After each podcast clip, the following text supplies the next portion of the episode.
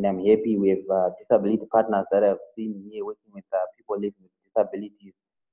Uh, it has also made the situation dire for children in detention facilities and also um, children coming from rural communities.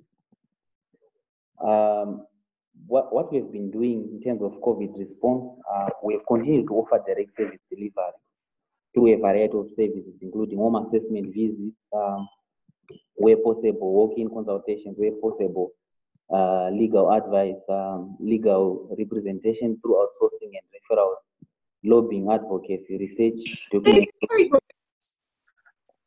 Yes, uh, so during the total lockdown phase one, we resorted mainly to social platforms for legal advice and uh, counseling services because uh, mobility was restricted.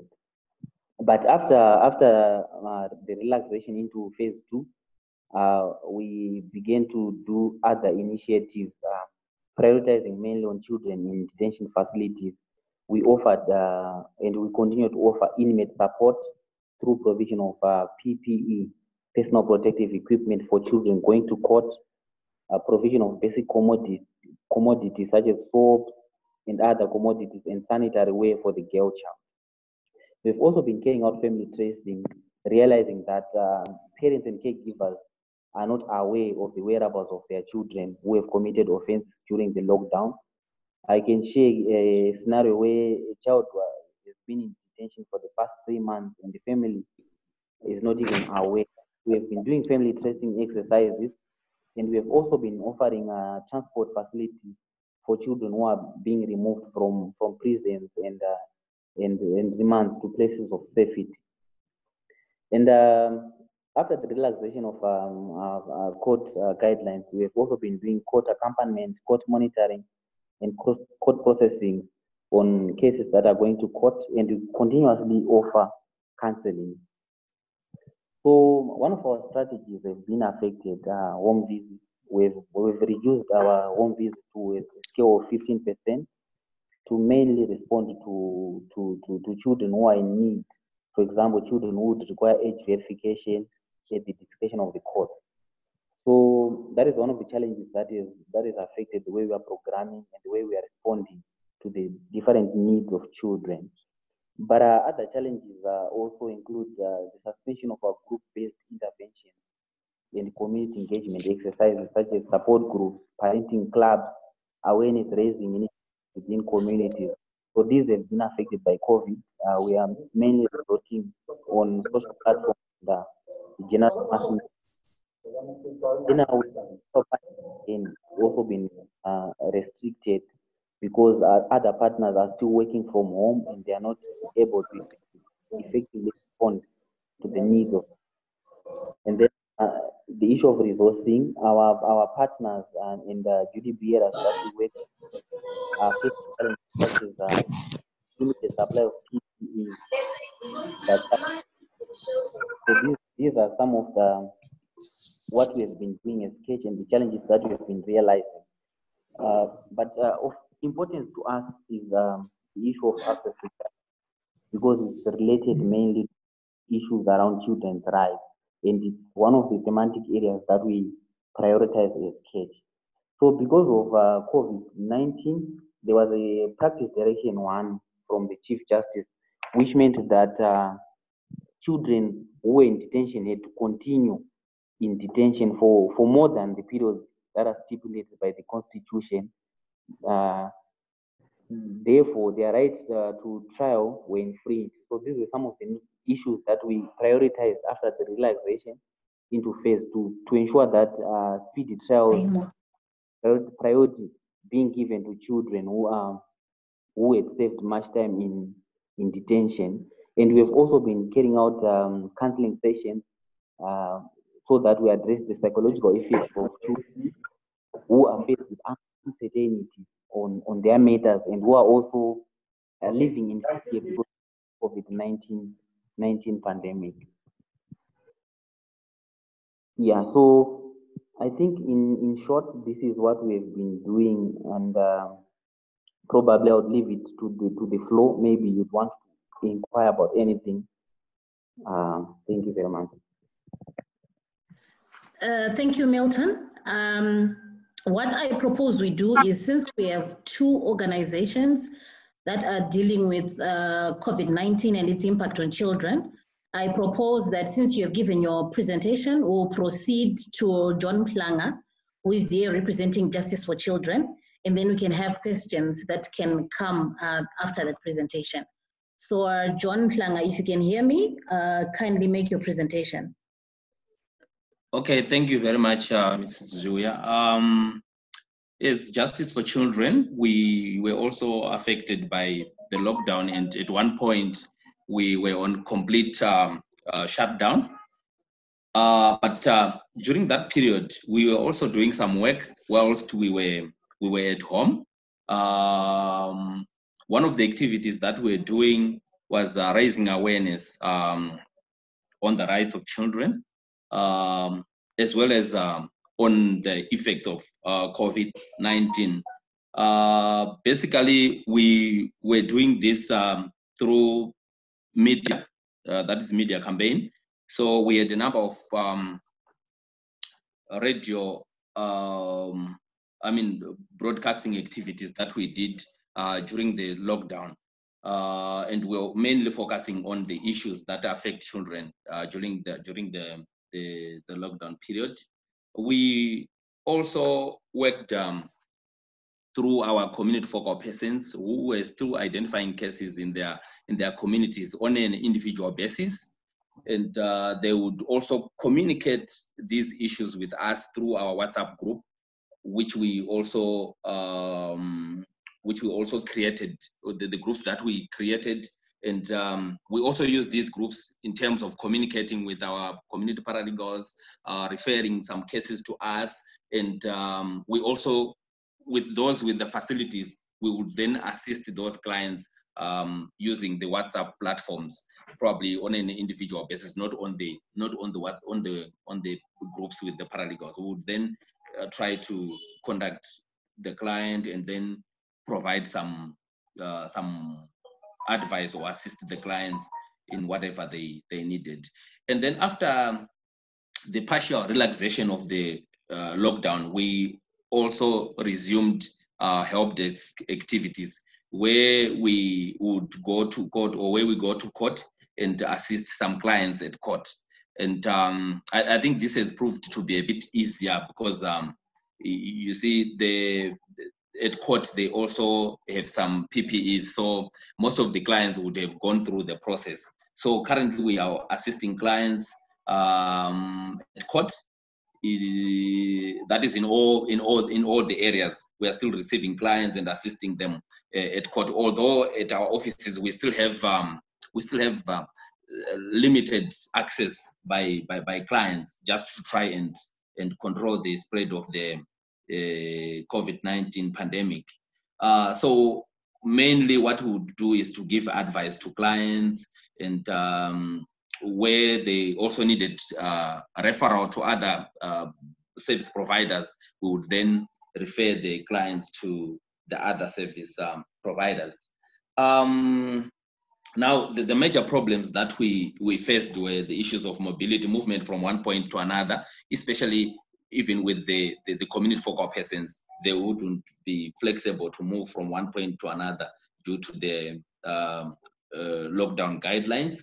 And then um, we, we, we also managed to visit um, the mainly the, the prisons, the probation homes, and trying to see children who were detained and maybe facilitating their their release from detention and one of the challenges that we then faced was the issues of uh, funds for, for relocation. It was one of the major issues. We, however, um, joined hands with the department, which also managed to re relocate uh, and reunify some of the children who have been um, released.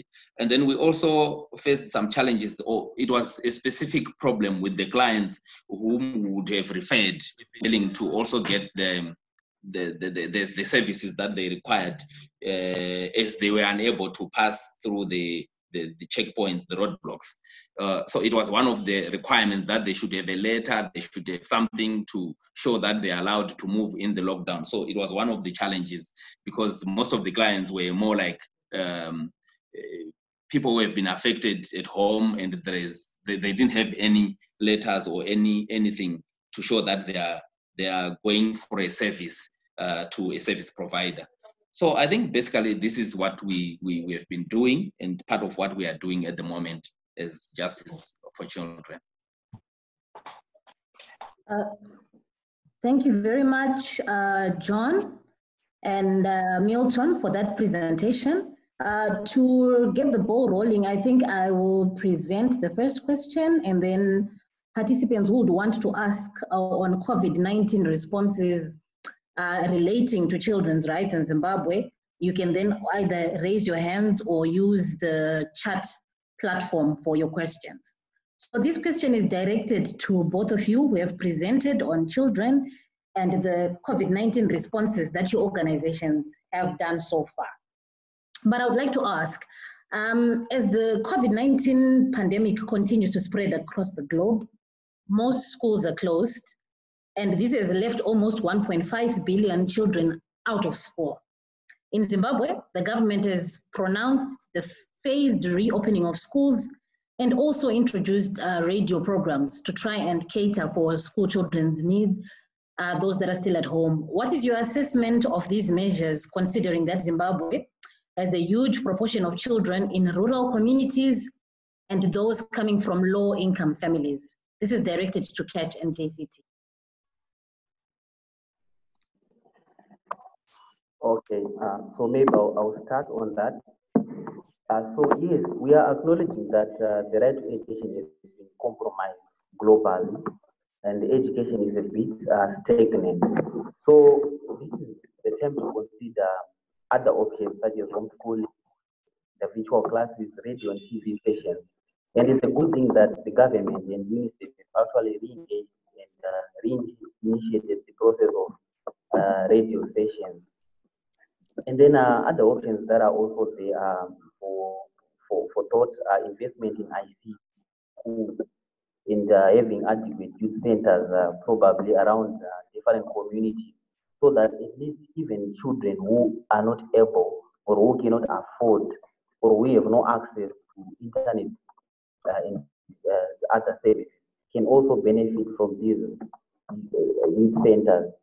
And then um, on the issue of radio again, there is also a strength uh, in working with the community radio stations, which are uh, spaced across the country.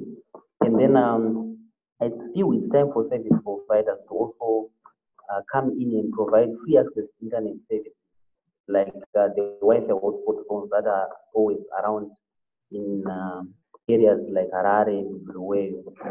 So yeah, government is trying uh, to put in measures, but I think need to be informed by thorough news on, on the situation at the ground because uh, there are a lot of implications on on what has happened because of COVID and, and the aftermath. You see, the, the disruption of the education calendar will continue to be a negative effect for a very long time. And also, we have issues that are resulting from the premature closure of schools. Usually, children rely on schools as a source of information dissemination and now I, uh, I, I'm, I, I, I have a feeling that children are not really aware of, of COVID-19 and implications of COVID-19 to a greater extent, given the number of children that we're seeing moving around playing without even masks or what. So I think um, um, the solution that is there, um, for example, virtual classes, um, I think they are, they are very good solutions, but they are not as holistic and inclusive as possible because uh, issues around uh, data, something that is cost, uh, uh, is costly for everyone. There, there is a challenge that is being presented by some of the mechanisms that, that, that are being put in place. And um, the question of affordability and accessibility is one of them the major aspects that we have to consider, particularly for the rural children, uh, particularly for children living with disability. So you see, the my assessment is we need to look at the different intersectionalities as we come to, to, to conclusion and as we bring solution. We need to look at the rural areas divide, where those rural areas can have access, they have access to PPE, they have access to internet facilities. Then also we have uh, the high density and low density divide again, whereby children in high density areas within urban centers can afford internet, they can afford uh, virtual classrooms, they can afford even to protect themselves as they as they reopen. So the major challenge that uh, is here is uh, the digital poverty or technology divide, where we have no access to uh, cell phone, uh, tablets, laptops, Wi-Fi for children in, in rural areas mostly. And then again, on the issue that you have um, raised on the phased reopening of schools, uh, it, it is uh, the public assumption that schools are being opened on the 20th of July, according to the Minister of Primary and Secondary Education. But has it been communicated that these are only examination classes that are that are that are opening? So it needs to be it need to be communicated equally so that the parents can have time to prepare, and also so that the parents can also have time to communicate with the other children who are not uh, examination classes, so that they also know that this is something that is faced and their turn would actually come when the tempo is relaxed. So yes, the pressure is there to open open school, but open schools. But my, my assessment, it, it may be too early for schools to be to open. For example, are the facilities ready? Are the schools ready to meet the all those organization guidelines? Are the teachers motivated and protected enough to deliver? And are the children themselves educated and sensitized about how they can protect themselves as they open? So I think um, Slang again also uh, carry on from here. Thank you very much.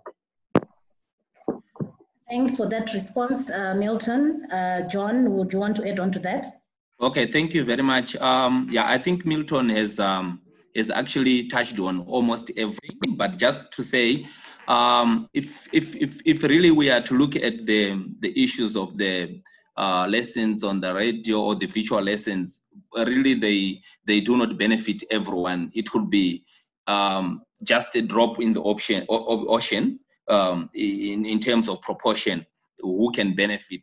Just a few, even in the urban areas, it's not everyone who is um, able to benefit. So you, you see, here there is no equal opportunity to access to education if if if if um, the facilities remain as they are the rural community is even uh, worse in the sense that um, in some areas they don't even have the network they might have the resources they might have the the phones they might have everything but um, the network is not even available. We have areas that we have, uh, we, we, we know there is no network at all. So I, I think as much as it is helpful, but um, I think it benefits just um, just a, a few uh, children who can uh, access education through the methodologies or the methods that are available.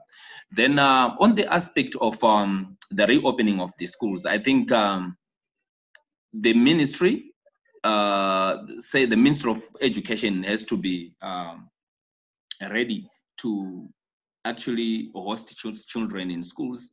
Um, the, if you look at even the Minister of Transport, say the Zupco, Zupco buses, um, at the moment there is a high risk of contracting the disease, the, the, the COVID-19 at the bus terminuses. Just looking at the bus terminus before the child gets to school, how is the government going to tackle the issue of transport? Because if you look at the situation at the moment, for those who use public transport, it's um, three, four hours. Someone is at a bus stop um, waiting for the Zupco buses. You look at the the I mean the the issues of uh, social distance they are not practiced at the bus stops. The issue of putting on the mask they are not uh, practiced at the bus stops. Uh, also, if you look at the buses themselves, they are not also providing the PPEs like the the sanitizers that they are supposed to to I mean to provide, and uh, also the the, the temperature uh, testing that is supposed to be done they're not being practiced they're not being done so i am i'm just looking at children as we know them um, I, I don't think it is really the right time to have schools opened, uh, taking into account the rising in the number of people um, who are contracting the disease. So really, this is an issue that the Minister of Education should consider and the government as a whole should consider in terms of preparedness because uh, I'm seeing us maybe uh, not ready to actually have children in schools. You look at even the facilities within the schools. I, I, I am not, I'm sure we, we are we are not yet there in terms of being ready to open uh, schools. Thank you. Thank you. Thank you very much, uh, John, for highlighting practical issues that are connected to the COVID-19 response, particularly when we're looking at the right to education.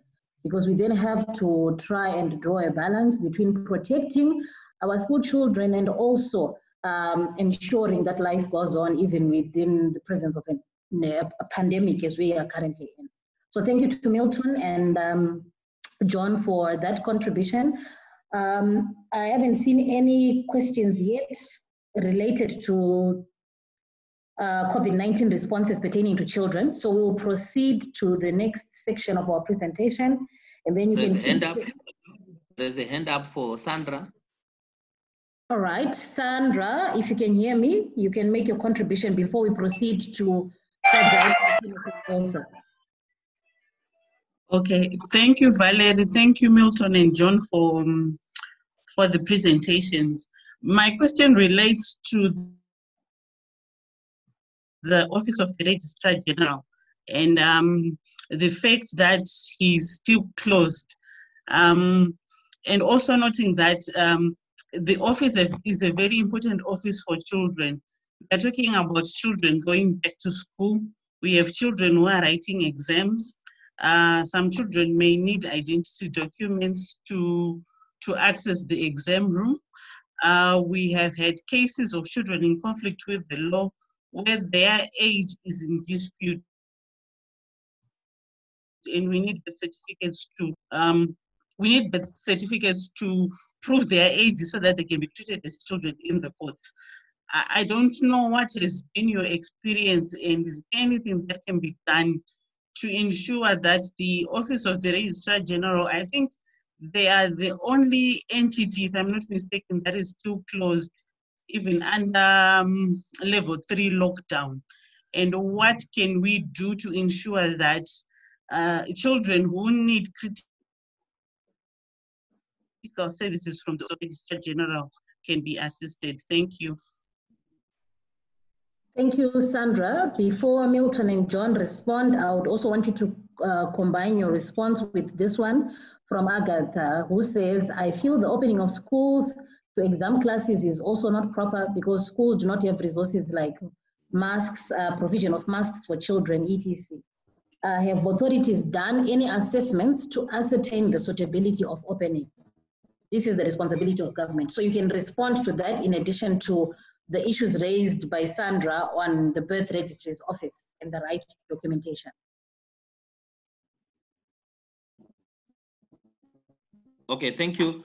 Um, yeah, I think Sandra has raised a very uh, important issue with regards to registration of births, because as we speak of um, the right to education, it also borders on the right to identity because these birth figures are the ones that are used um, when registering, when even entering the exams, like um, like Sandra has indicated, some might need identity cards so that they can also access the, the, the exam rooms. So this is quite critical. And um, what I think, I, I, am not so sure um, whether there is anything that has been done, but my thinking is that um, this could be one of the things that can be taken up as, a strategic um, litigation to ensure that these offices are urgently opened uh, to, to also um, ensure that children have access to these very important documents, which are also required even at court, like she has indicated, that those age estimates and so on,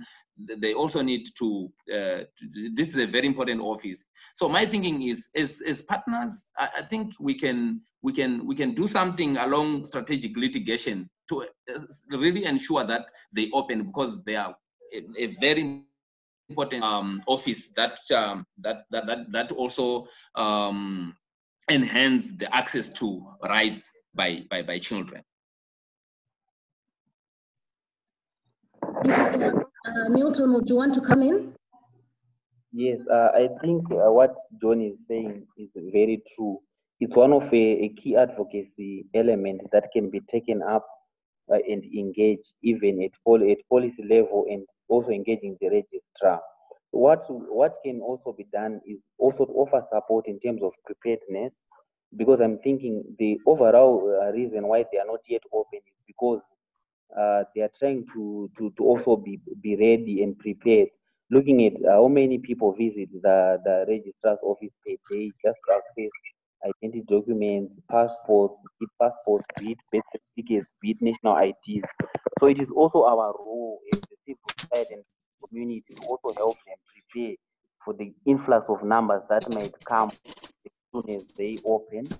So because of that, I think it will be important to engage them and also uh, sensitize them or discuss with them about issues of decentralizing their services, about issues of having mobile services that can go to priority areas, for example, schools, so that children who are who exam exam classes who are preparing for their exams can also benefit from having access to within their hello. Yes, You can Could I please mute your microphone? Okay, so maybe I can just re-emphasize on what I was saying. I was saying it is our role as the civil society also to support the registrar in terms of preparedness. Uh, I've also pointed to strategies like decentralizing, uh, decentralizing services, registration services, and working together with the registrar, probably targeting schools and exa- exam sitting students, so that they can also have access to access to documentation as they are carrying on with their schooling activities. I've seen it happen whereby the um, VID would, would come to would visit schools and uh, target those above 16 to get their provisional licenses. So I think it's something that can be explored. And then in terms of children in conflict with the law, this is one of the challenges that we have been facing uh, prior to COVID, and even it has also heightened uh, during COVID-19 because uh, children who, who, who cannot prove their age are being treated as adults. Uh, so the conditions that they are facing whilst in, co- in conflict with the law are actually more more stiffer, more difficult, more rife because they are being treated as, as adults. What we've been doing as Catch, um, we have been trying to to connect the families to verify age through family tracing exercises. And where birth certificates are not are not uh, readily available, we've resorted to age estimation. We've been working with the police uh, and general practitioners and then uh, on the issue of uh, opening of schools, I, I think I also agree with Agatha that the government is not yet ready.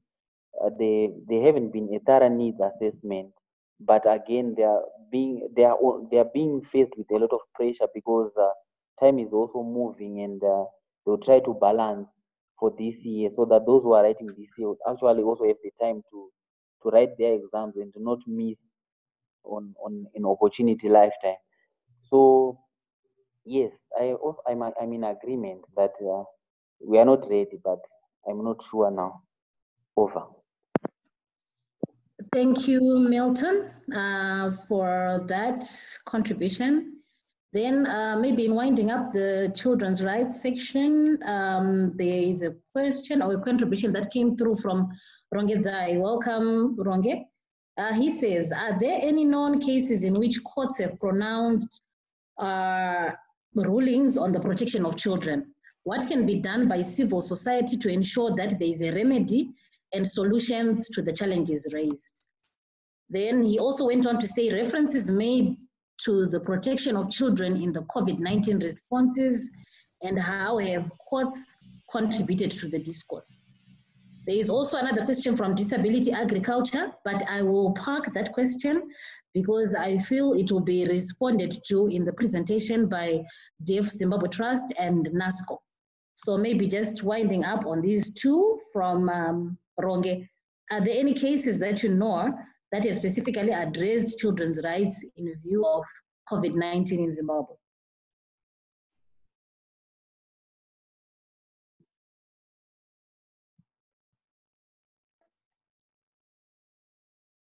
Um, yeah, I think in terms of uh, cases specifically focusing on COVID-19, uh, for for me, I, I I can't say yes or no because I have not I have not had any.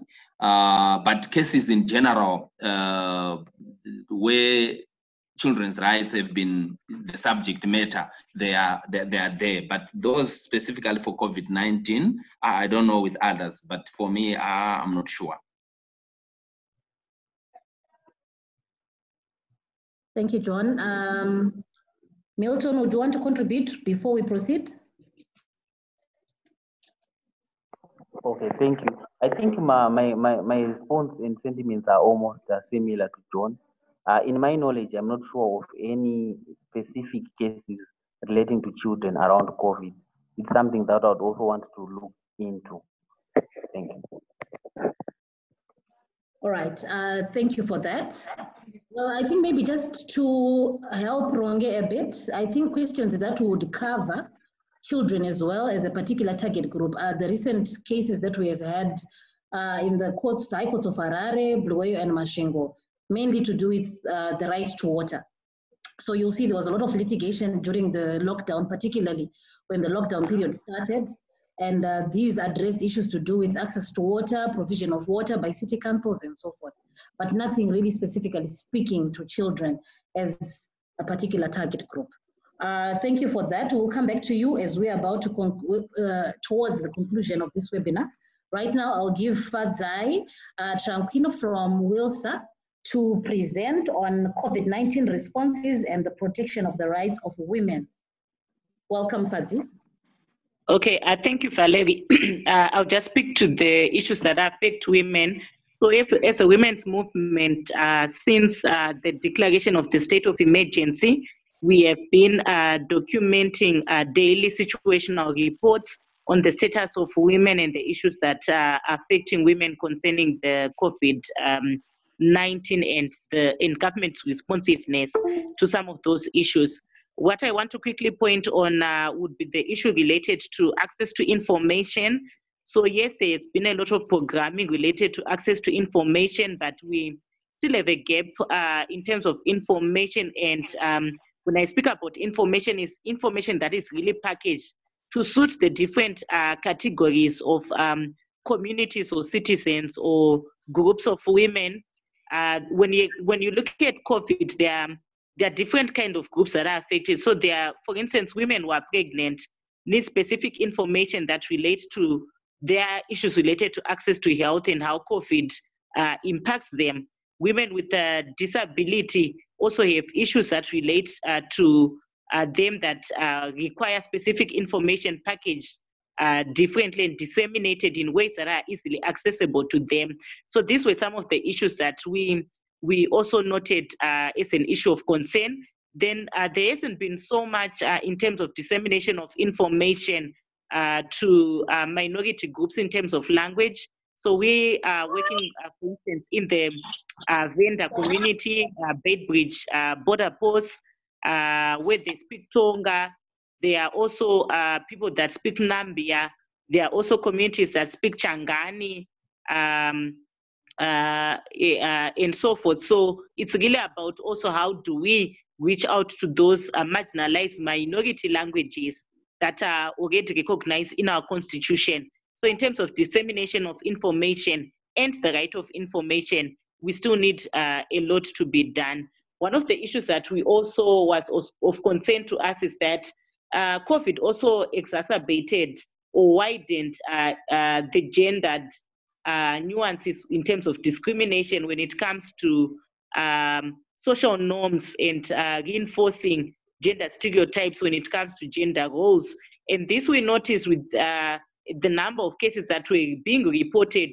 through our hotlines when it comes to GBV.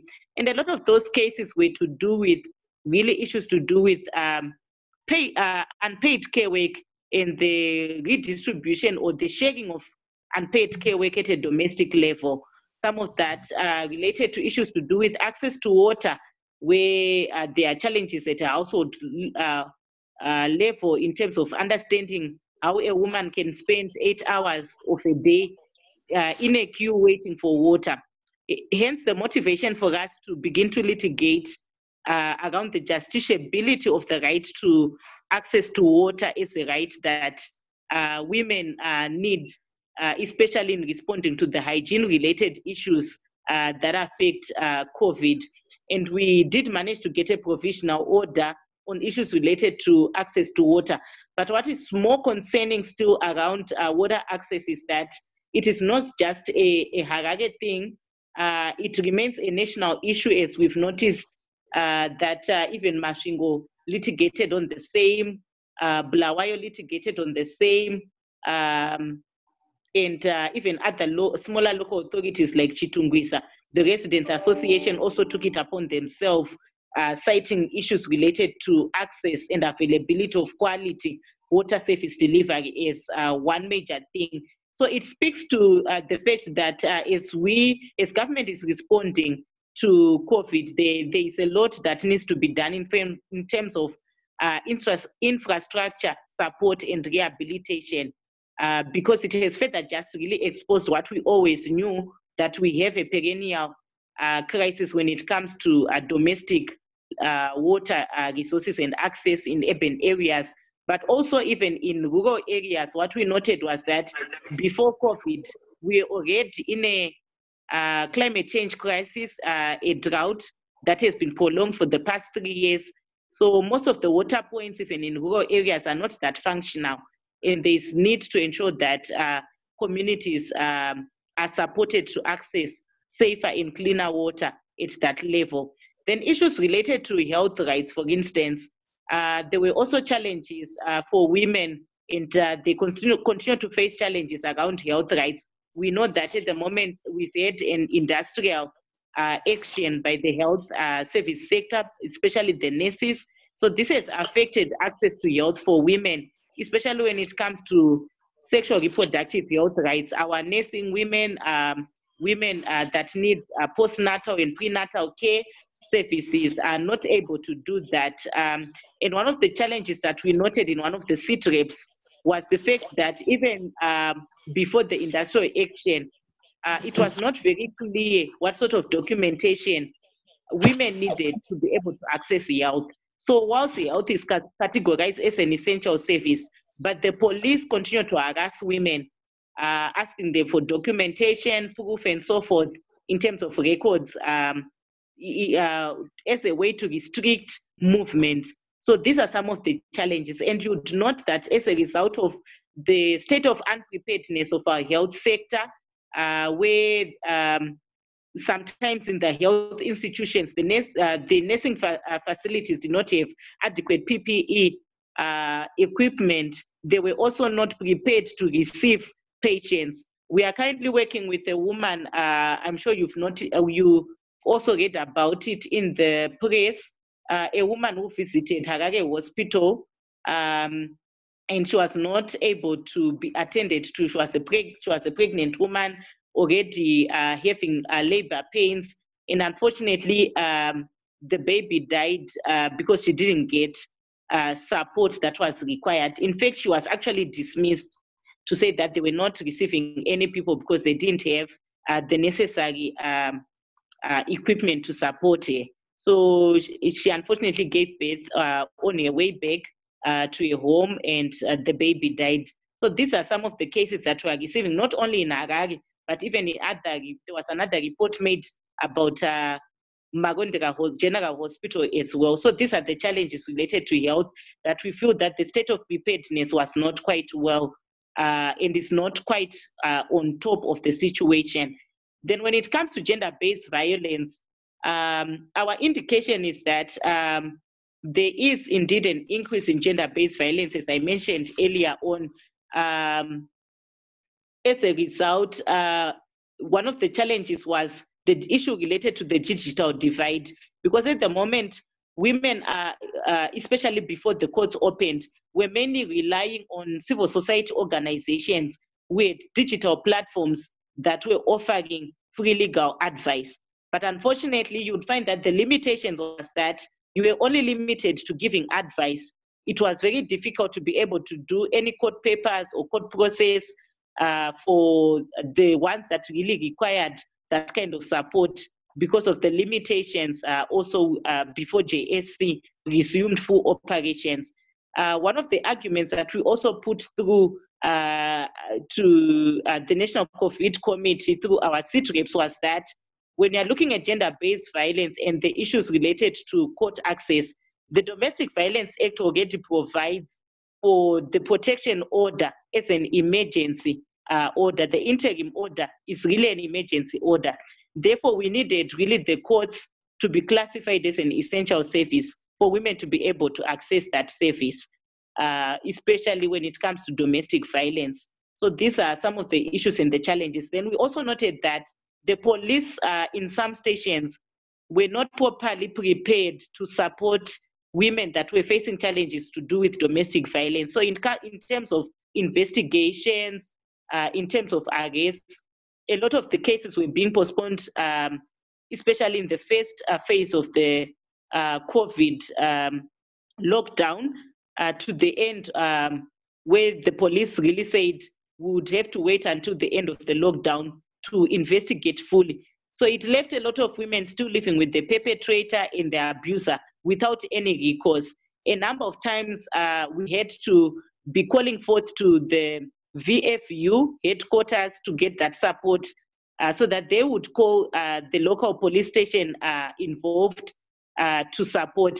So these were the challenges that we really noted that some of the key sectors that were supposed to be supporting or continuously providing services were not uh, equi um, equipped in terms of information, in terms of guidelines on how they, they would best continue to support and give services, especially for access to justice. So hence the challenges that uh, women continue to face. As civil society organizations, we have continued to offer legal service through our hotlines uh, and virtually through our different WhatsApp groups. Uh, and now that the courts have resumed operation, uh, we are back at the help services desk where we continue to offer legal aid uh, support service, but also we continue to pursue other creative uh, means of doing that. So, for instance, for Wilsa, where in some of the districts we are part of the COVID district task force, we are able to actually move around with the district uh, task force. Particularly, uh, I can give an example of Murewa. We have a few examples where we're actually involved in um, uh, working with the VFU to retrieve some children that had been married off uh, during this uh, lockdown period. So you can see that because uh, services and service providers were really not uh, accessible, a lot of uh, child abuse cases have been happening and uh, closed and not being reported because of the challenges. So we really hope that as the country begins to open up, civil society is given permission to go out in the communities, raise awareness, and uh, there's a need really to support our community paralegal system because these are the frontline defenders where we are not able to access communities and they really need the support in terms of uh, traveling, uh, in terms of communication to reach out to the communities and provide services and advice at that local level. Thank you.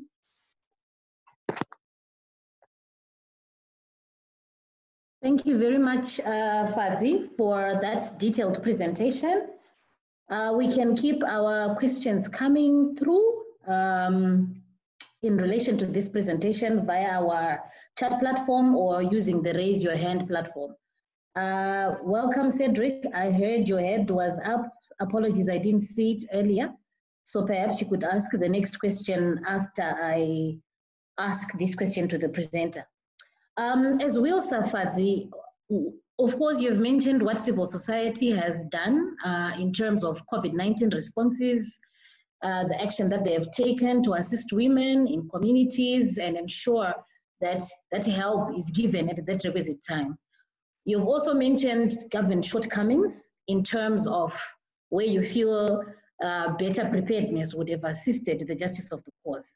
But is there any, um, or are there any measures that you feel government put in place in the COVID-19 response, although they are not what you really anticipated, but did, did the government then put any measures in place uh, to respond to issues around women? Uh, yes, I can. I can point, for instance, to water access. Uh, so soon after we uh, we got our provisional order, we've also been trying to monitor the extent to which uh, there is compliance. Uh, our quick observations was that within the first few days, uh, in some parts of Harare, water was already now being distributed. We also noticed that the local authorities also received a bit more resources to uh, distribute water through water bowsers, where, for instance, there were challenges of uh, infrastructure. They also uh, came up with a schedule of identifying some water points that were non-functional, for instance, boreholes in certain communities, and came up with a schedule to begin to repair. And uh, work uh, has been progressively being done to repair those water points there were a few areas, uh, especially in the high density areas like Mabvuku, where there were uh, episodes of uh, violence at uh, some water points in Tafara, in Chitungwiza, where they even also uh, allocated some water marshals to man those uh, water points and to ensure there's compliance in terms of social distancing. But I must say it's really been slow, and we hope that they could really allocate more resources towards uh, especially uh, infrastructure and uh, also in terms of uh, health access. We noticed that government also set up its own uh, hotline through the Ministry of Information and Publicity, which is really active 24/7, and it's also it, it operates through a toll-free number where people can actually call and get more information related to COVID and other services. So that was really commendable uh, in terms of their attempts to also increase uh, information. Um, I would also want to commend uh, the VFU uh, police uh, because they also try to partner so much with civil society organizations and they've been on radio on a number of uh, shows trying to also publicize information related to gender-based violence, uh, and how communities can be able to access support. Uh, I also want to quickly point out to some uh, one shortcoming though that I noticed when it comes to foreign uh, immigrants that are arrested for lack of documentation. It is really sad to say even after the presidential amnesty, these foreigners, uh, a lot of them are still in prison right now. And um, really my heart bleeds uh, because these people should not really be arrested. And I think it's a matter of on humanitarian grounds, government should have just uh, allowed them uh, to go back to their countries or supported for them to go back to their countries, working with their local uh, foreign missions in the country. So we still have a lot of women um, uh, and children as well, and young men in the prisons in Chikurubi, in Beitbridge, uh, Mutoko, there, um, who, who I really feel that uh, in, in most of our border towns should be released. And uh, especially now during this COVID, it's really not worth it keeping them in prison. And after all, there isn't much that government can support, but rather really um, uh, work with their foreign missions to get these people released. So this is one of the things that I feel at the moment should also be top of the priority, the prison population.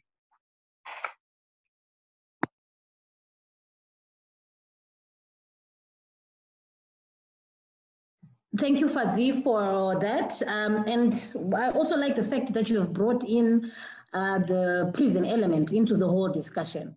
Uh, because we also, even as the LRF, have noted um, issues to do with the presidential amnesty that was granted during the lockdown period. I'm sure all of you are familiar with that.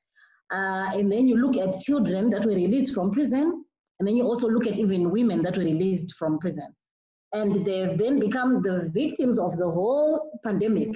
They've suffered from the COVID pandemic itself, but there's also secondary uh, issues that are arising. Like you get children then reoffending because they are rejected at home, uh, they're coming from prison, they don't have any other source of income, so they reoffend, and they go back to prison. Even for women themselves, some of them who benefited from the presidential amnesty. These have been some of the casualties coming arising from the COVID pandemic to say, okay, now you're back. How do we plan for the family?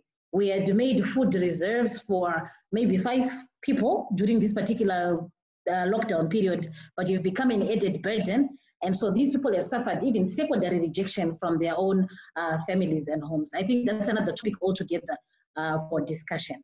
Um, I'll go to our comments list. Um, Joseph Makuni from Masvingo was also adding on to the issue that you were mentioning on uh, uh, violence that has been erupting at water points and where women have had to be assisted uh, by organizations that are in the access to justice sector, uh, all arising from issues to do with provision of water.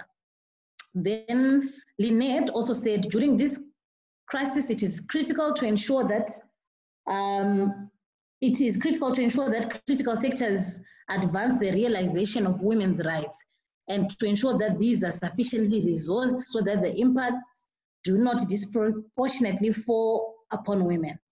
So here she's just mentioning that issues to do with the COVID-19 pandemic, the lockdown itself, the burden falls heavily on women and there is need to ensure that there's a cushioning uh, mechanism that is done to ensure that women do not suffer uh, in totality. And then she looked at issues to do with uh, women uh, being in unpaid care work, uh, etc. Thank you for that, Lynette. Um, then Rebecca said, in terms of, these are just contributions for this, so no need to, to answer these. In terms of information dissemination, the rural women suffer more as little information on COVID-19 has reached them. Some only rely on what they on hearsay and rumor, which distorts information a lot, and a lot of myths are derived from such. Yes, uh, thank you for that contribution, Rebecca. Then Disability Agriculture said we have poor resource communities such as Hopley, where very few bores are available. The water is accessed from 10 to 12 every day, Low toilets, most of them have no PPE due to affordability constraints. Women and children with disabilities are suffering the most. This is quite unfortunate, but that's the reality of uh, this COVID-19 pandemic uh, affecting particular target groups. So I don't see any hands raised up. I think I read all the comments. Um, in view of that, we'll proceed to our two other panelists who are Barbara from Deaf Zimbabwe Trust, and then our next panelist is Henry Masaya from NASCOH. So Barbara, you can proceed to make your presentation. Thank you very much. Uh, good afternoon, everyone. Good afternoon.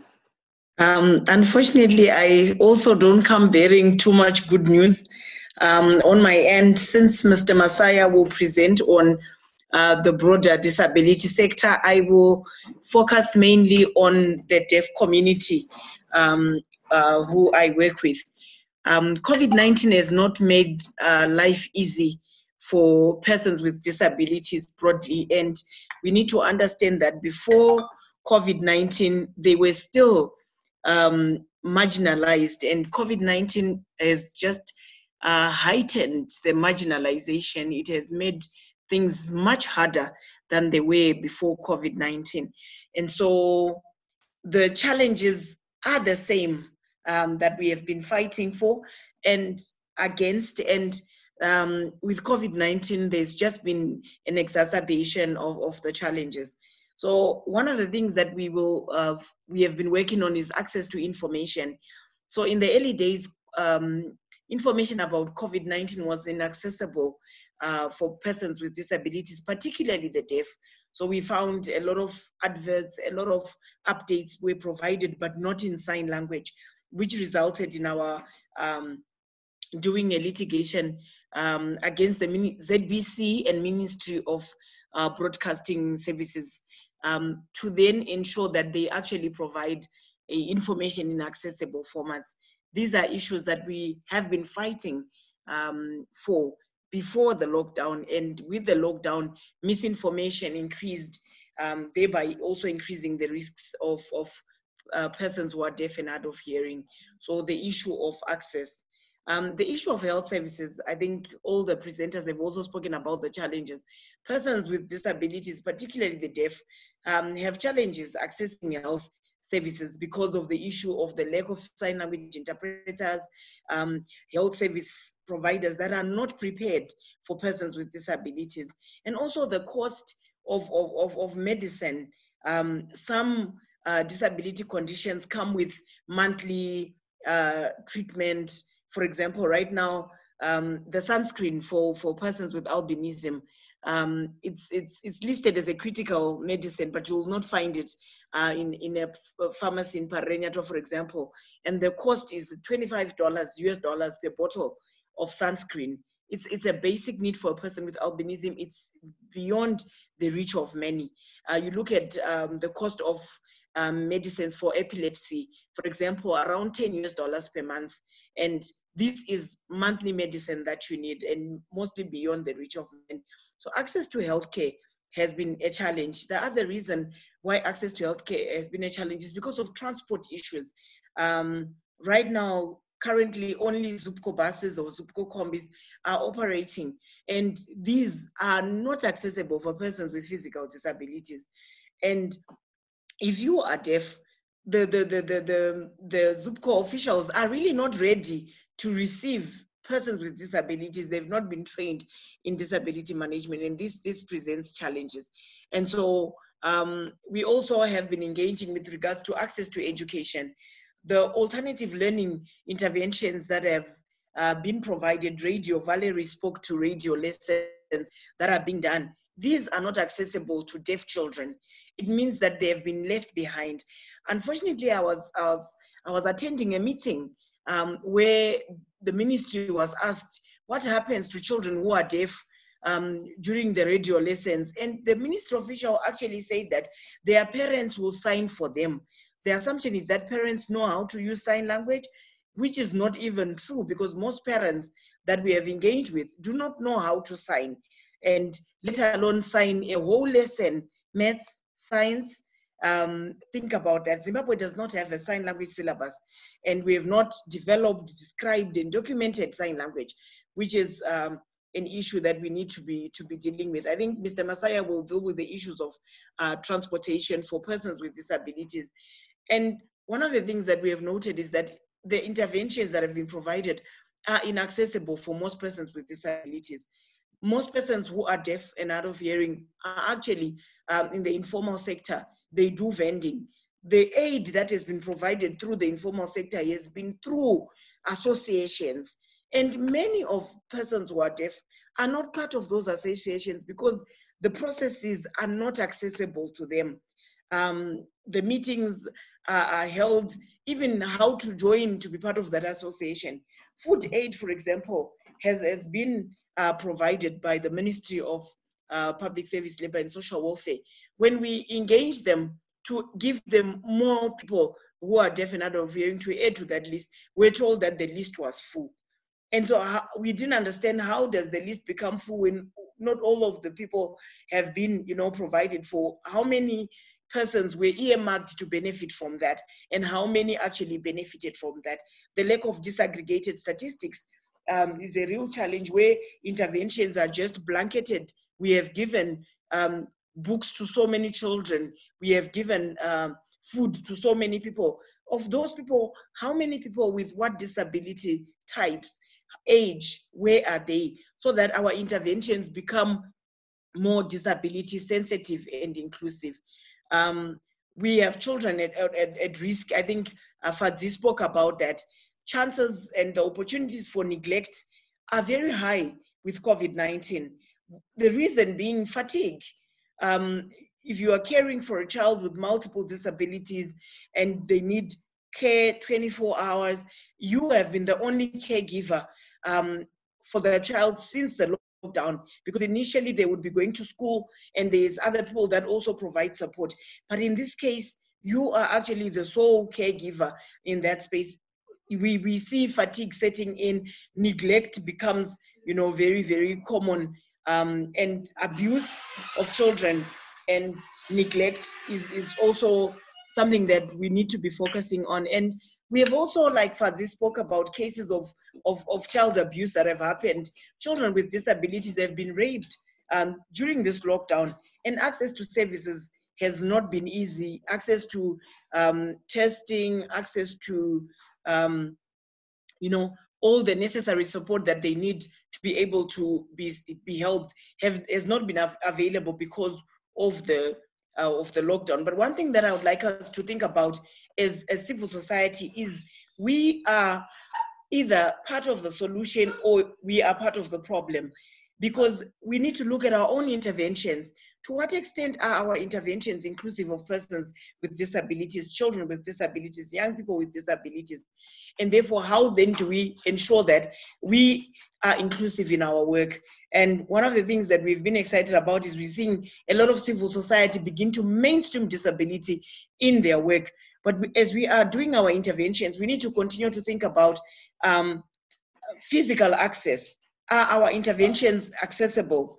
Um, we look at the, the parliamentary he uh, hearings for the constitutional amendment bill. The, the hearings were done in places which were inaccessible, the lack of sign language interpretation, is the braille, is, is that provided for large print?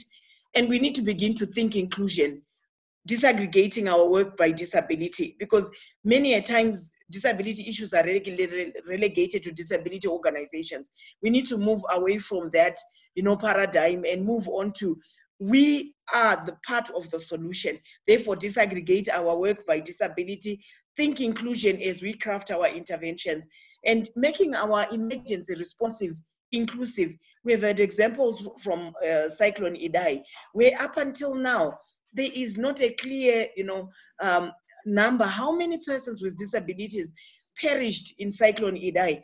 Mostly those you using wheelchairs, those with multiple disabilities that could not run or move away from those places. The deaf who did not hear as as as as the crisis was unfolding probably died and, and in their sleep. So those are some of the things that we, our emergency responsives are not inclusive because we are not collecting statistics before emergencies. Do we have accurate databases of you know how many persons with disabilities where are they what type of disability what kind of support do they need and from there on begin to create inclusive um, so i would like to end with with this quote that says inclusion is an attitude it is about um, how we decide to engage with issues.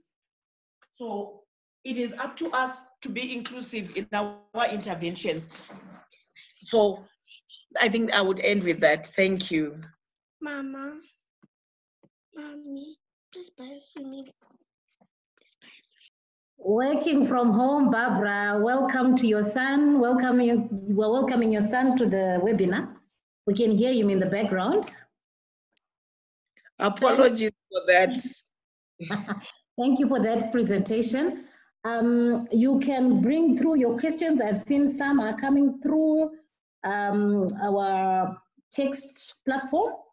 But if you'd still want to make use of the raise your hand um, option, that would be, still be fine.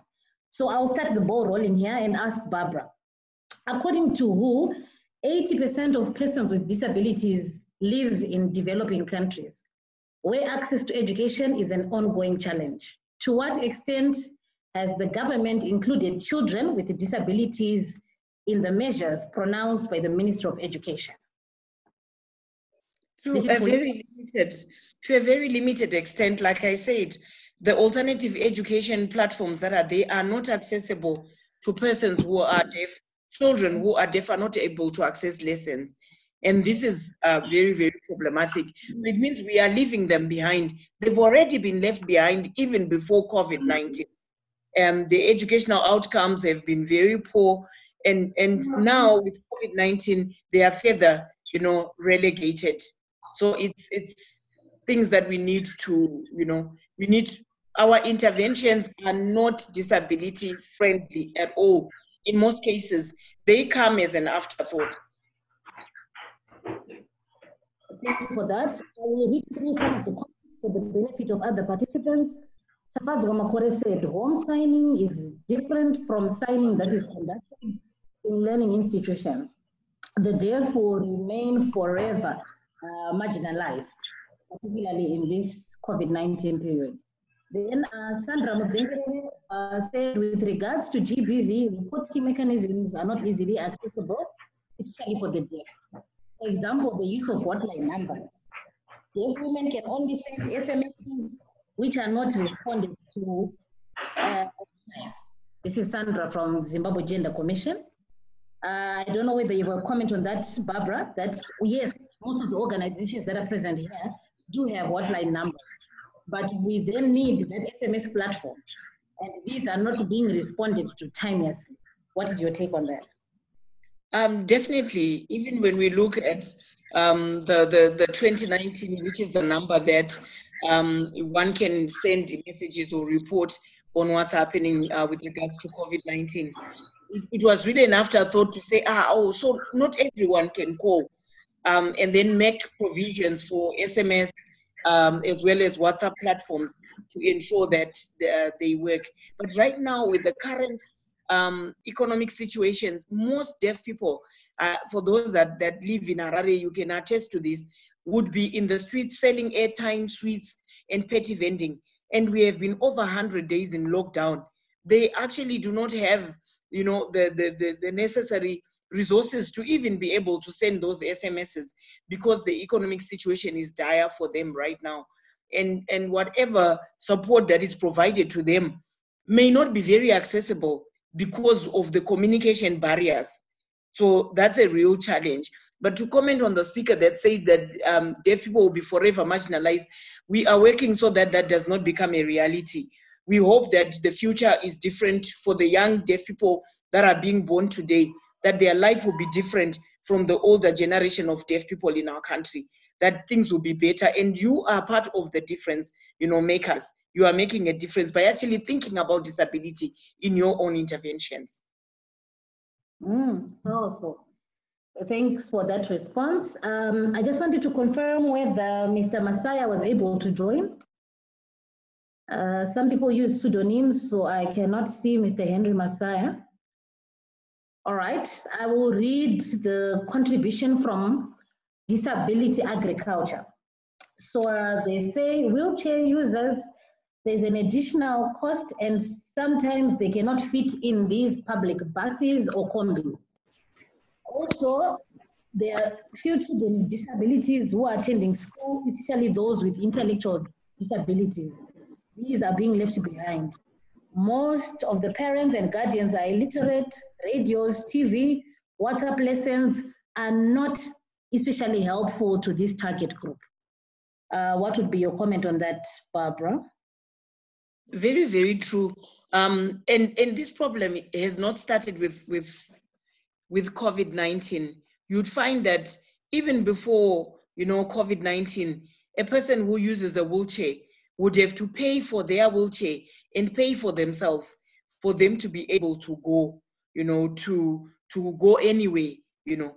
And if they had an assistant, they also had to pay for an assistant, which means that they are paying four fares, you know, where one person without a disability is just paying one. So this has already created an unfair, you know, you know, an, an uneven grounding for inclusion because our, our combi drivers would actually leave you if you are not going to pay for your wheelchair, if you're not going to pay for your assistant, and then you pay for yourself. So those are some of the challenges that they're already facing. But just look at the Zupco um, buses that we have. They are very much inaccessible. Um, you would find just just to look at the way they are built, they are not accessible. So it means persons with disabilities are not able, you know, to actually uh, travel to and fro with regards to seeking essential services, um, the health services, even uh, legal services. They are not able to do that because of the inaccessibility. All right, thank you. Uh, I see Lorna and Shami's hand up. Uh, in that order, can I have Lorna making a contribution and then Shami? And then can we also have disability agriculture also making their contributions? I've seen you very active on the chat platform, but I feel you also need uh, to make your voice heard. So Shami, so Lorna first, and then we go to Shami.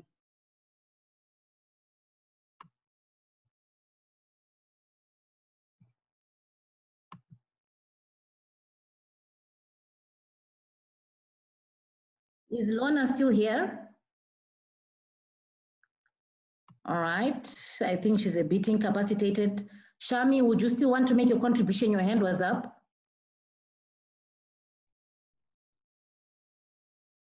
Okay, I would like to ask, since, okay, young people living with disabilities are experiencing cha- challenges in accessing health services, especially sexual reproductive health services.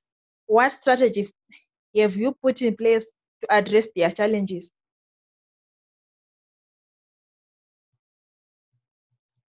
All right, Barbara, uh, if you are still around, perhaps you could respond to this.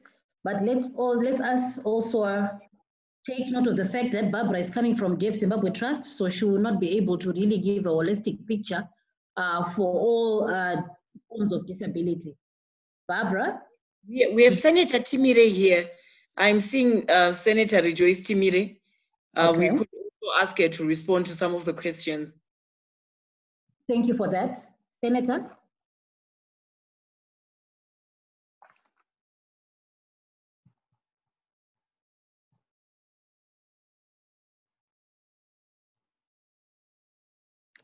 Perhaps Barbara, whilst our host uh, is prodding her, you can respond whilst we wait for her to be able to find the mute function.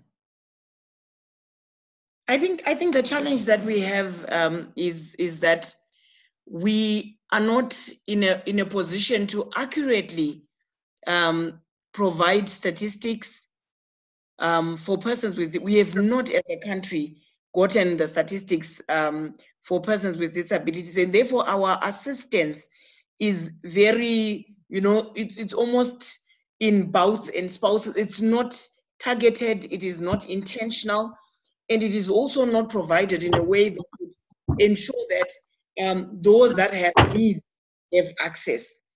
They are provisions, um, social welfare would provide um, the, the numbers for how you can call and how you can get assistance.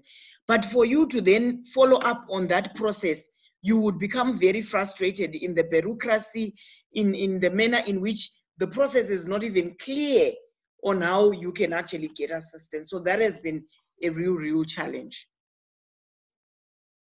Thank you, Barbara. Senator, I think she was having problems with the microphone. Are you now able to make your contribution? Uh, there's also Right. Masimba Kuchera, Vareli.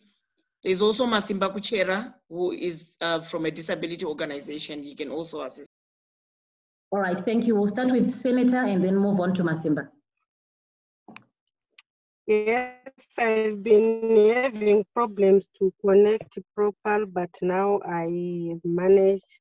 Um, I following the proceedings uh, to see that person with disability, most things have been said about the issues.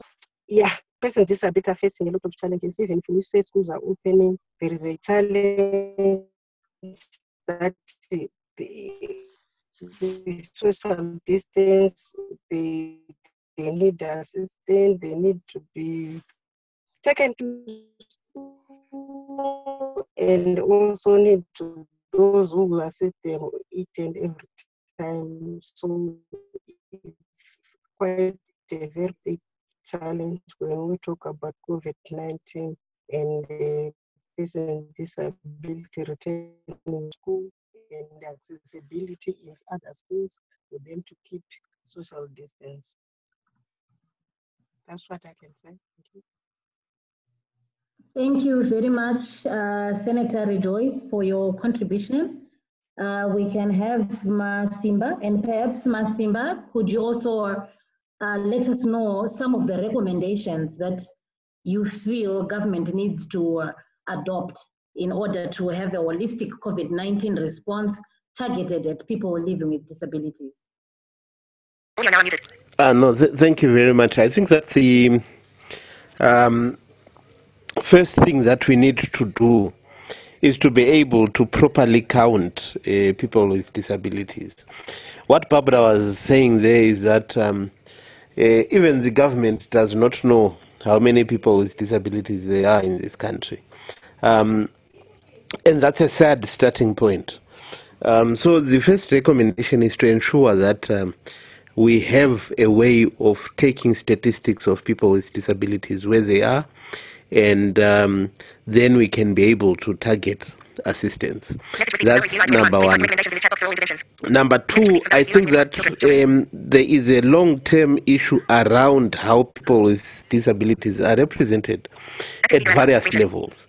Um, which which could also be taken up by government in terms of how they address these issues to do with um, people with disabilities and uh, disasters. Today we are talking about COVID-19. Last year we were talking about Cyclone Idai. Um, in the not too distant future, we'll be talking about another disaster. So it's important for us not only to be looking at this COVID 19 in isolation, but um, looking at them in the mode of uh, disaster risk management. Um, so that's the second recommendation to say first of all let's let's look at uh, disaster risk management and how do we ensure that people with disabilities are represented um, in all the structures of intervention so that they are not left out. Um, what uh, has happened so far is that um, even up to now, uh, very few people have uh, um, gotten the assistance that um, uh, Barbara was talking about, the 180 dollars. But we are probably three months into the three months into the lockdown now. By then, it wasn't much. Now it's very little. So these are some of the issues as well to say, and that would be my third and last recommendation to say, we also need targeted, targeted um, um, responses that are at least immediate so that they can deal with the disaster. If you then give someone $180 now, how are they going to be um, able to use that? What use will it be to them? So we also need um, an element of immediate response um, to the to the process. Display active speaker. Speak Zoom. You 14 minutes. Can you kindly mute? Uh, I think there's some feedback coming from you. Thank you very much for that contribution. Uh, Kudzai also wanted to contribute. Uh, I've unmuted you, Kudzai.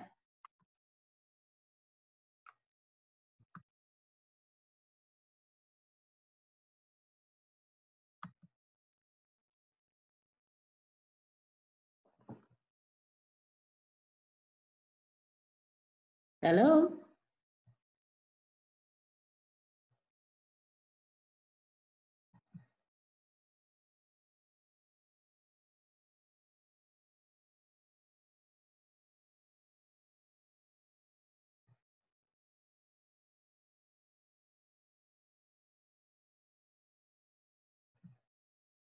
Hello, is Kudzai able to make a contribution? A hand was up. All right, I think uh, if disability agriculture is still around, could we kindly have your contributions in closing on COVID-19 responses vis-a-vis people with disabilities? I've unmuted you, disability agriculture. Hello. Yes, please, make your contribution. Okay, hello everyone. Uh, my name is Lisa from Disability and Agriculture Resource Center, and we are based in the rural areas, uh, but we also operate in the poor resources communities. We're focusing mainly on children with disabilities. Uh, most of them have been, uh, a few rather, have been attending school. We help them get into school and we pay for their fees and therapies. And a lot of uh, schools such as St. Giles and Jairos Jiri Tose, they offer these facilities for them at school while at least they're in, at school. And then on their parents, then it feels like they helped in a way because at least children at school, they get food there, they get therapies. But then now, uh, based on our research, we have uh, noticed that a lot of children presently now, uh, their disabilities have become permanent due to the failure to access the therapies because they're very important because sometimes it's because the parents cannot afford to take the child to a physiotherapy and then the child ends up being just being uh, sitting in the wheelchair until someone just comes by and says, "I can help you," but then already the situation is permanent. And the other uh, hospital, government hospital, Gomo, that's where most of them would are recommended to go. But then for someone who's coming from Mondoro, and with this COVID 19, they don't have a letter. They don't even have transport money to go there with their child. And to come to and from the service there with all this COVID now, it means longer queues, the service is even more dreaded. So the challenges are still there, as uh, Barbara mentioned. And the government is also mentioning on everywhere that there's help, help, help, but trying to access that help is not accessible. We don't, most of the people with disabilities, they don't know where to go to access this help that is being said that it's there, it's there. As they also mentioned that there's this hundred and something dollars, which is now close to nothing. And the still persons with disabilities are still there, still suffering, and nothing is being done. And a lot of uh, these organizations, we are there advocating and doing that, but then nothing really is being said, okay, we have done this. What, what can we do as a whole group to make, to make sure that persons with disabilities are also inclusive in everything that is being done, school-wise, education-wise, health-wise, because it's important for us to access health, especially health and education, to be able to empower, not to only rely on selling vegetables and airtime. That is my contribution. Thank you, Lisa.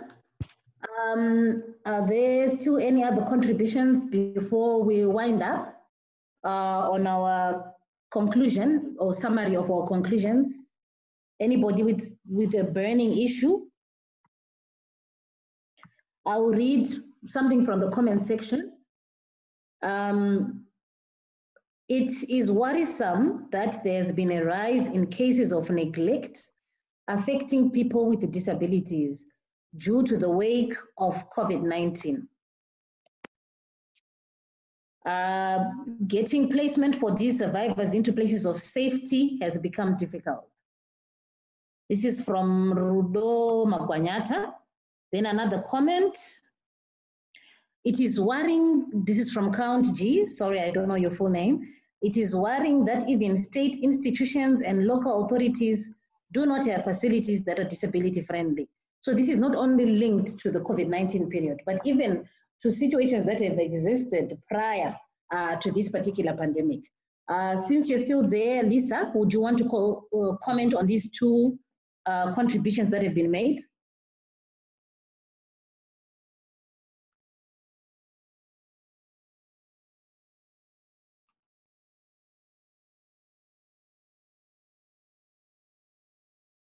Hello, Lisa.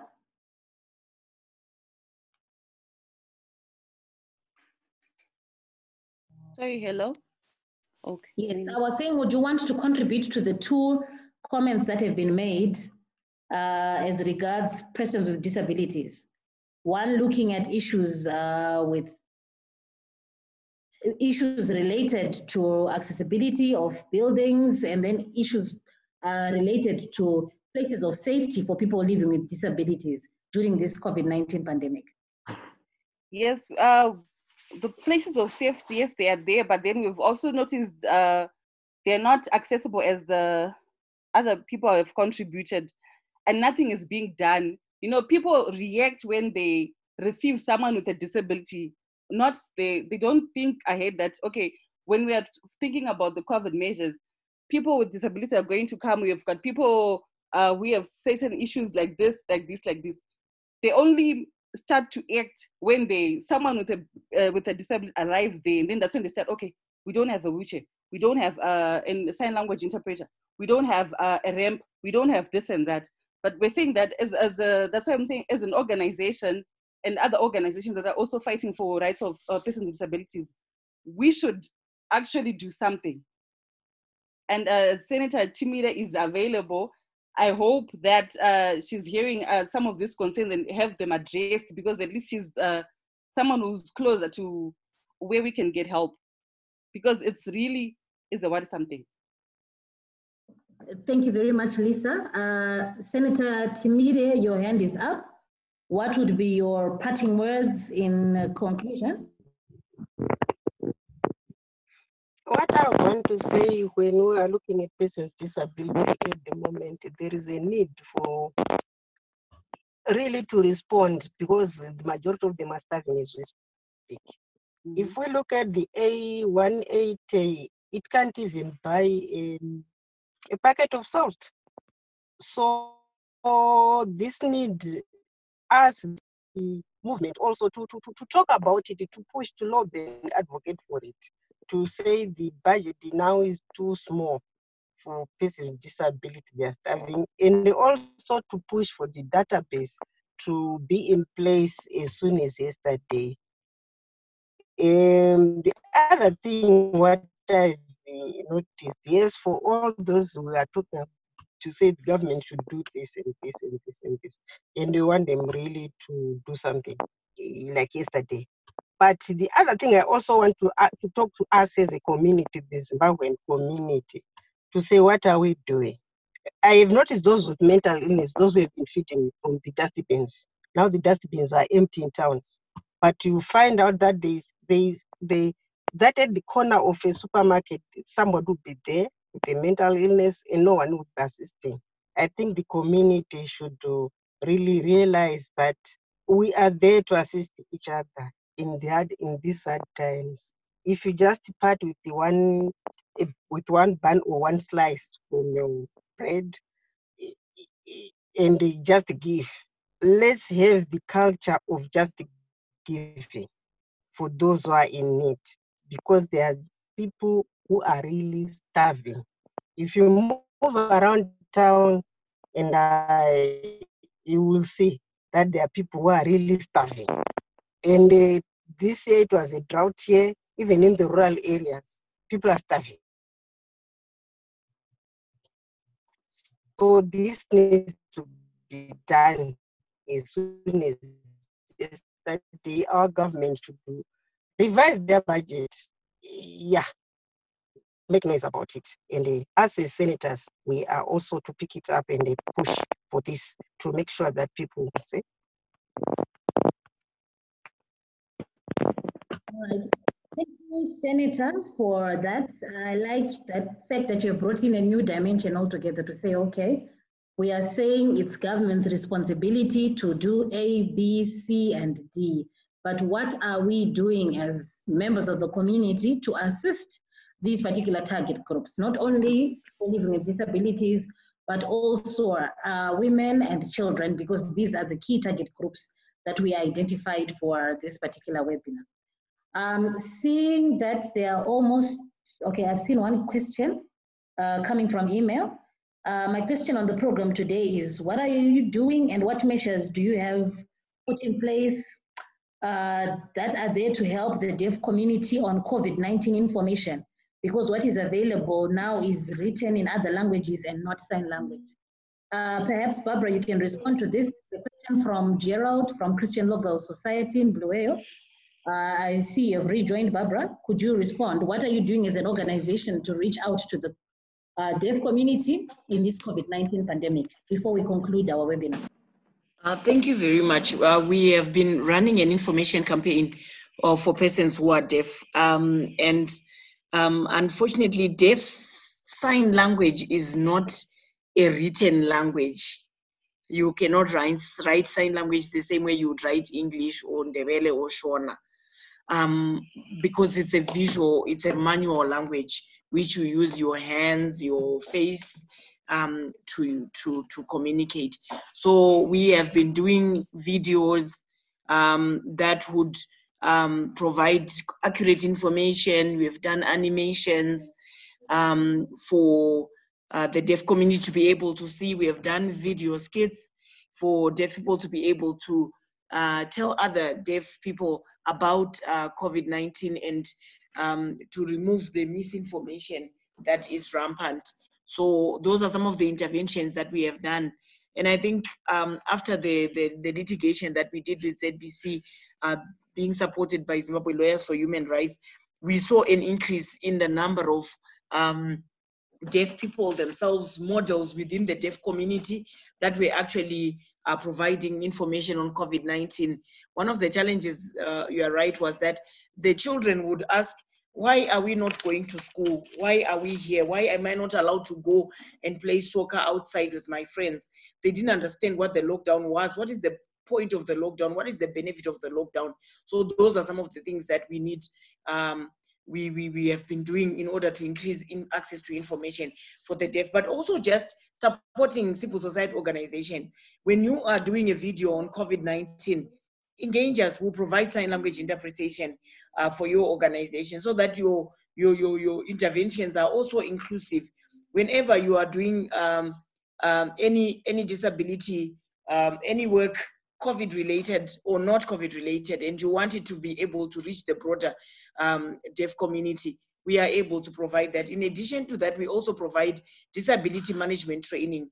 Uh, we have done disability audits for other organizations to see the extent to which your interventions, your policies, your programs are disability inclusive so that like um, Valerie said, it's not about us as Deaf Zimbabwe Trust or Masimba Kuchera or uh, the senators, but it's, a, it's all about all of us. All right, uh, thank you. Um, then I've also seen another response from Tafadzwa Makore, who says, um, so far the Sunrise Sign Language Academy, they've been disseminating COVID-19 information through videos, and they've done videos for Ministry of Health, National AIDS Council, yeah, and also just to express our gratitude as well to Deaf Zimbabwe Trust, they helped us with awareness raising uh, to the deaf community by assisting the LRF in preparation of uh, sign language videos to raise awareness in the constitutional amendment number two bill uh, so that people would be able to contribute meaningfully at the public hearings. So uh, thank you for that. I think we have come to the end of our webinar. Uh, what I have noted in conclusion and as a summary of the deliberations that we had today uh, is the following. First, we need to adopt a more inclusive approach which includes uh, persons living with disabilities. So not just to have a one size fits all approach, uh, like had been mentioned by Barbara's in a presentation to say the deaf community, people with disability ended up being an afterthought to say, okay, but these are going to be affected by our interventions, therefore what do we then do as a result? And also even looking at target groups like children and women. Let it not be an afterthought to say, okay, the lockdown provisions are there, but also to really have a consented approach and a focus to see how best people can be assisted in times of pandemics so that the brunt of suffering is not felt so much by one particular target group. The second one was on the rights to education. If you remember our earlier two presenters, we talked a lot about the interventions that had been taking place uh, in regards education. But if you look at well-off to do schools, school has been proceeding as normal. There's online learning, there's various platforms for learning, but what about the poor and the poorest members of the community? And of course, we talked about radio lessons, but there are some people that do not even own a radio. There are some parts in Zimbabwe that still do not even have transmission of radio services. Or if they do have transmission of radio services, they are able to link stations outside uh, Zimbabwe. We're talking about our borderline communities and so forth. So we need then to really improve situations to do with education for children. I believe even provision of resources for children. This is something that the Minister of Education should have also anticipated to say, okay, people are not able to come to school, but at least let's ensure that each child in Zimbabwe gets a textbook per subject that they are undertaking so that children are not affected uh, come the upliftment of the lockdown and the reopening of schools. The third is on the rights of women. Uh, Fadi spoke strongly about this when she was talking even about maternal rights and issues and problems that arose in public hospitals as uh, the lockdown was initially starting, with people being turned away. And not only looking at the COVID 19 period, the nurses have been going on strike every now and again.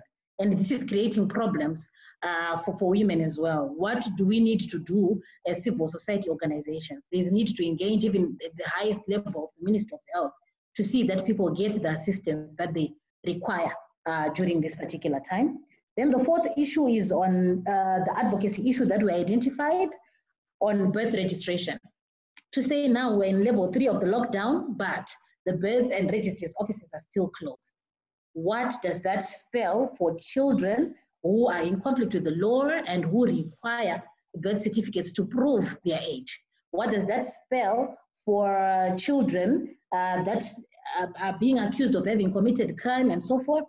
And also even for those that want to sit uh, for public examinations uh, and so forth. Proof of identity and the right to identity is something that is crucial for every Zimbabwean child. Then um, another issue that I noted is the issue of targeted policies for vulnerable groups. We identified our key vulnerable groups, children, uh, women, and um, persons living with disabilities. And also, one recommendation that I saw, also emanating from our Senator Rejoice Timire, is that we need to make use of our parliamentarians, we need to make use of our senators, because they are responsible for lawmaking uh, within the country. They are able to push our causes uh, at parliament level and at senate level. So these are these the platforms that we really need to use because at times our voice as civil society is limited. But if we have that strategic partnership, then we are able to fully uh, challenge the cause of uh, women, children, and persons with disabilities. So at this juncture, I would like to thank you all for joining us on this uh, webinar. We will definitely be inviting you for the next webinar uh, in a month's time. Thank you so much for your contributions. And thank you, a special mention to our early birds who came in well before the official webinar had started. And thank you very much to our panelists, Barbara from Deaf Zimbabwe Trust, Milton Chinyanga from Catch, John Klanga from Justice for Children, um, Fadzai Traquino from Wilsa. And on that note, I would like to say goodbye.